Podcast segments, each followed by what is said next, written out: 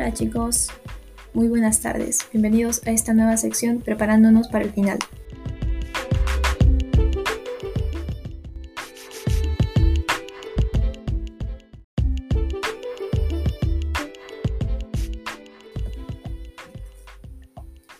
Bueno, muy buenas tardes, buenas noches, buenos días en el momento en que estén escuchando esto.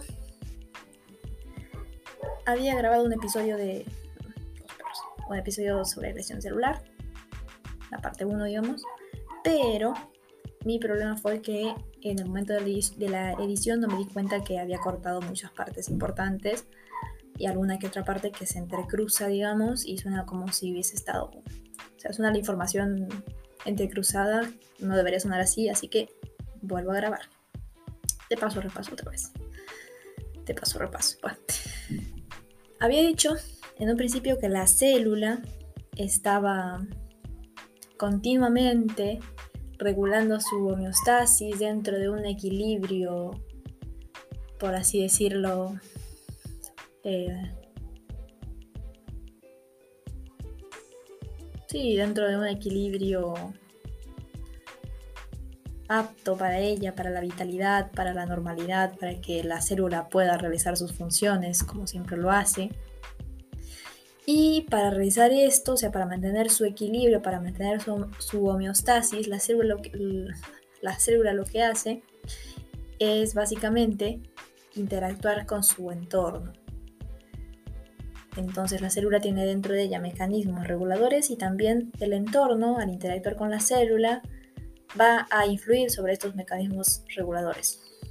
Cuando en un momento la célula se ve expuesta a un aumento de las funciones que tiene que requerir, por ejemplo, o a, a un tipo de estrés celular o a un agente lesivo, y estos, estos factores interactúan con la célula, pueden provocar en un primer este momento una respuesta por parte de la célula adaptativa, con la finalidad de que de encontrar un nuevo equilibrio para mantener su homeostasis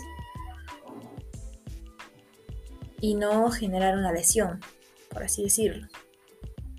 Si esta noxa o esta demanda celular se sostiene en el tiempo, lo que va a pasar es que los mecanismos adaptativos de la célula no van a dar abasto.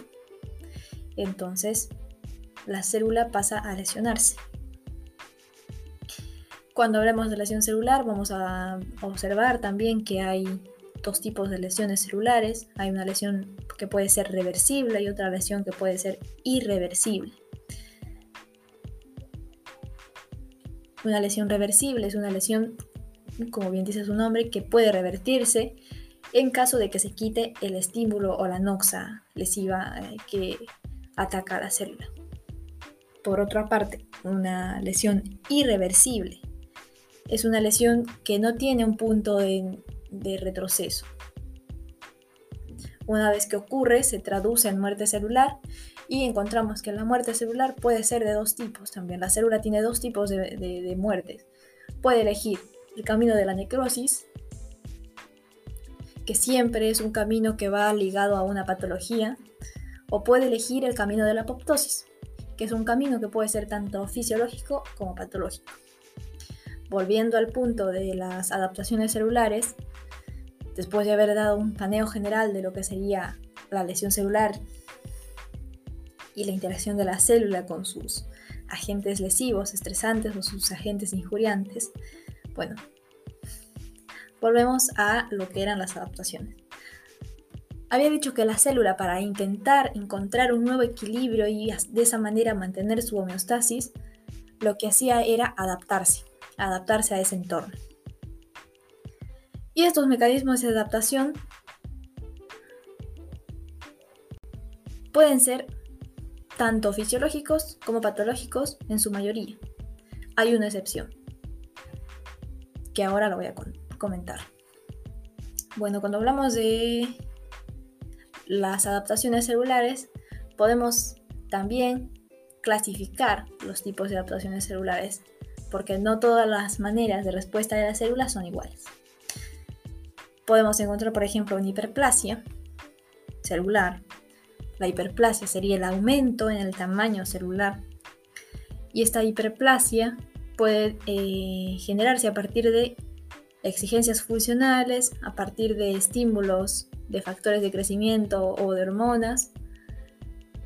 Y como dije, puede ser fisiológica o patológica. Hablamos de una hipertrofia fisiológica cuando a nivel del músculo estriado, por un exceso en la carga de trabajo, por un aumento de la exigencia funcional del miocito, tiende a, crecer en, tamaño tiende a generar más síntesis de proteínas, a, consumir más energía para solventar sus exigencias.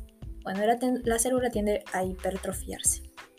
Esta célula, ¿qué pasa? Esta célula no se divide porque no tiene, generalmente se dan en células que no tienen esa capacidad de división, o sea, son células que no tienen mitosis. Por otro lado, la hiperplasia, que sería un aumento en el número celular también puede ser tanto fisiológica como patológica y también se va a eh, dar a partir de factores estimulantes como factores de crecimiento o, hormonas. Además, cuando hablamos de hiperplasia, sabemos que la hiperplasia puede ser una, hiperplasia compensadora, como por ejemplo en caso de la resección hepática, los hepatocitos empiezan a, a dividirse, a hacer mitosis para compensar esa resección y la hiperplasia hormonal que se da a partir de estímulos hormonales, por ejemplo el, endometrio, que al ser estimulado por los estrógenos empieza a proliferar el epitelio endometrial. Eso también puede ser fisiológica y patológica, por ejemplo en el endometrio si empieza a proliferar más de la cuenta, más de lo que debe, vamos a pasar a, a una hiperplasia endometrial patológica. Cabe destacar que tanto la hipertrofia como la hiperplasia pueden ir de la mano, no, necesariamente tienen que ir separadas una de la otra, sino que en un tejido podemos encontrar tanto hiperplasia como hipertrofia a la vez. Por otro lado, eh, tenemos a la atrofia, que es un fenómeno muy distinto a estos dos anteriores, porque cuando hablamos de atrofia hablamos de una disminución del tamaño de células, una disminución del tamaño celular. Y esto puede deberse a causa, se debe a causa de una función disminuida de la célula. Disminuyen las exigencias que tiene la célula. Y lo que va a hacer entonces la célula para adaptarse es disminuir la síntesis de proteínas, degradar más proteínas, disminuir su actividad metabólica, aumentar la autofagia. Y una de las causas pueden ser, por ejemplo, la, la disminución de la irrigación, la nutrición inadecuada, la pérdida de la estimulación endocrina. Una causa fisiológica también puede ser el envejecimiento, a lo que se conoce como atrofia senil, y una causa patológica puede ser la pérdida de la inervación, por ejemplo, en un miembro, lo que se produce, se conoce, perdón, como atrofia por denervación.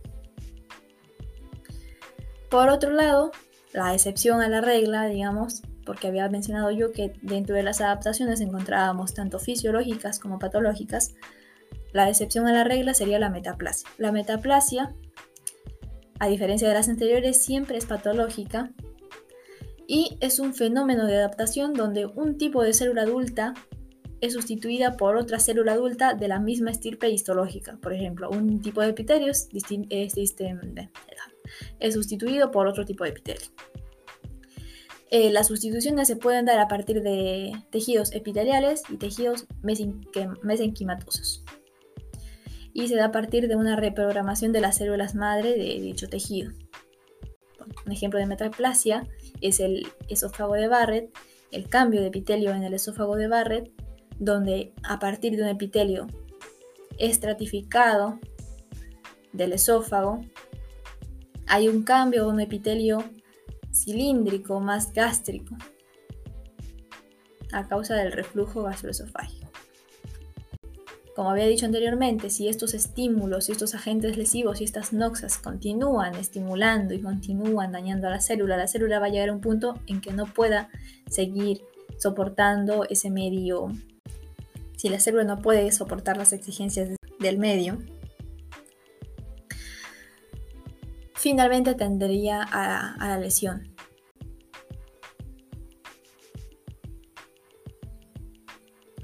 puede ser tanto reversible como irreversible. Cuando hablamos de una lesión reversible, podemos encontrar a su vez también dos tipos de morfología característicos de esta lesión. Por ejemplo, el cambio graso o esteatosis o a la hinchazón celular. Ambos son cambios reversibles. La etiología de estos dos cambios sería que oxígeno en el intersticio, por lo tanto, disminuye la fosforilación oxidativa en la célula porque no hay oxígeno, no hay oxígeno, que disminuye el oxígeno en la célula, por lo tanto que disminuye la, fosforilación oxidativa, la glucólisis aeróbica y que disminuye la síntesis de ATP, que empieza a predominar más la síntesis de glucosa anaeróbica con todo lo que eso implica, con el aumento del pH, por ejemplo. Y a su vez, si de por sí no tenemos, no tenemos ATP para usar o tenemos menos ATP del que necesitamos, dejan de activarse bombas de intercambio iónico de la citoteca de las membranas y de las organelas. Y esto puede ser también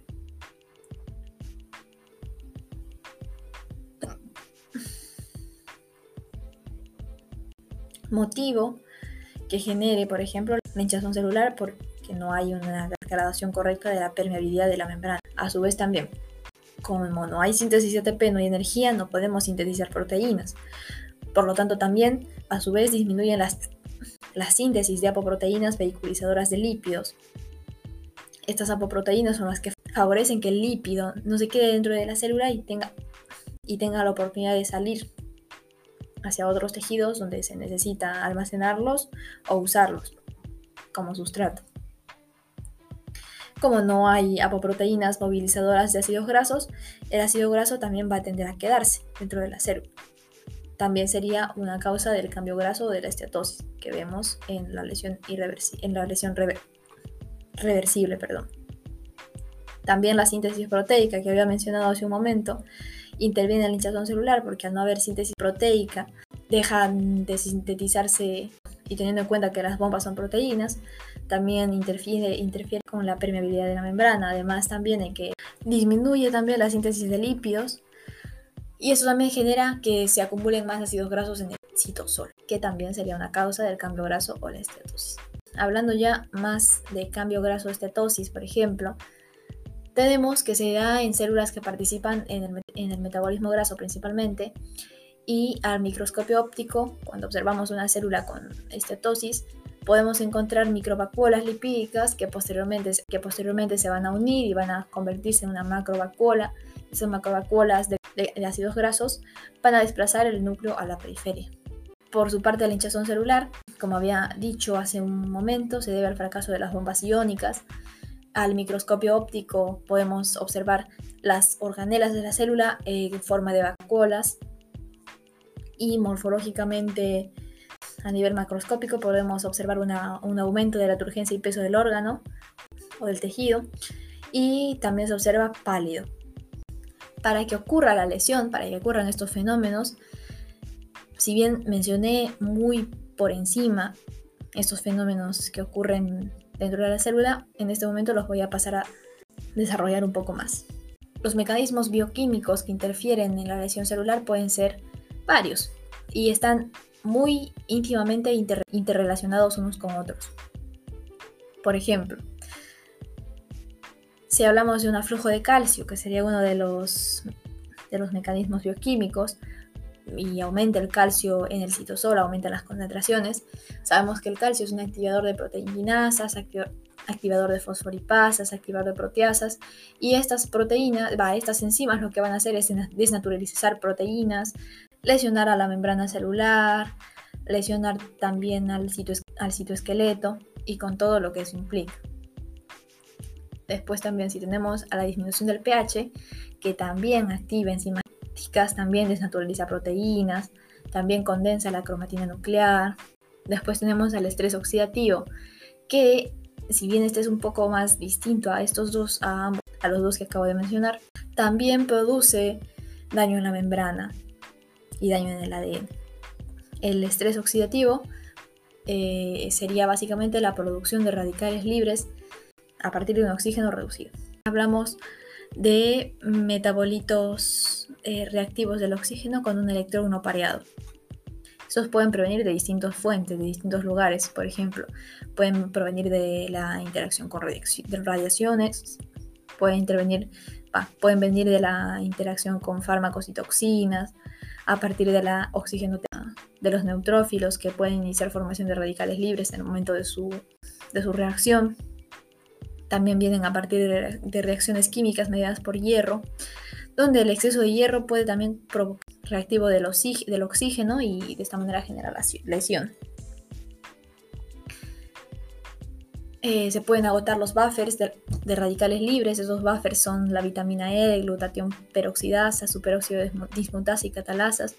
Y estos buffers son los que tamponan, por así decirlo, los radicales libres. Y lo que van a provocar los, los radicales libres van a ser la peroxidación de las membranas, por lo tanto las va a ser más permeables porque se unen a fosfolípidos de la membrana.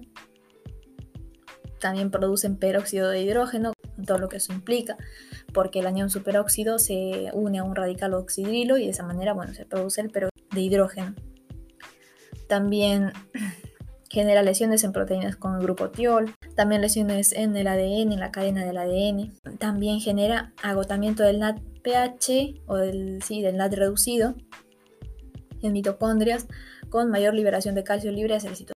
Por otro lado, como había dicho que eran muy interrelacionados, aquí viene otra, otra cuestión, otro, otro mecanismo que son los defectos de la, permeabilidad, de la permeabilidad de la membrana, que bien sabemos que la permeabilidad de la membrana tiene que estar muy bien controlada, pero si no tenemos ATP, tenemos aumento, aumento del pH, tenemos el aumento del calcio en el citosol, eh, obviamente la permeabilidad de la, membrana va a estar este, afectada.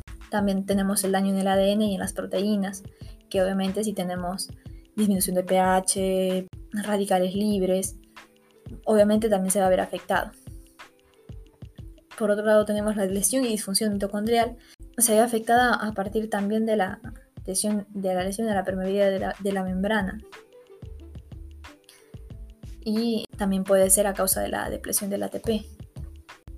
Como ven, esos mecanismos están completamente interrelacionados entre sí no hay uno solo que pertenezca a otro solo, sino que están interactuando unos con otros y son la causa de uno y ese uno puede ser la causa del, otro y viceversa. Hasta aquí por ahora. En el siguiente bloque eh, charlaremos, charlaremos de la lesión celular irreversible y de los tipos de muerte celular. Muchas gracias.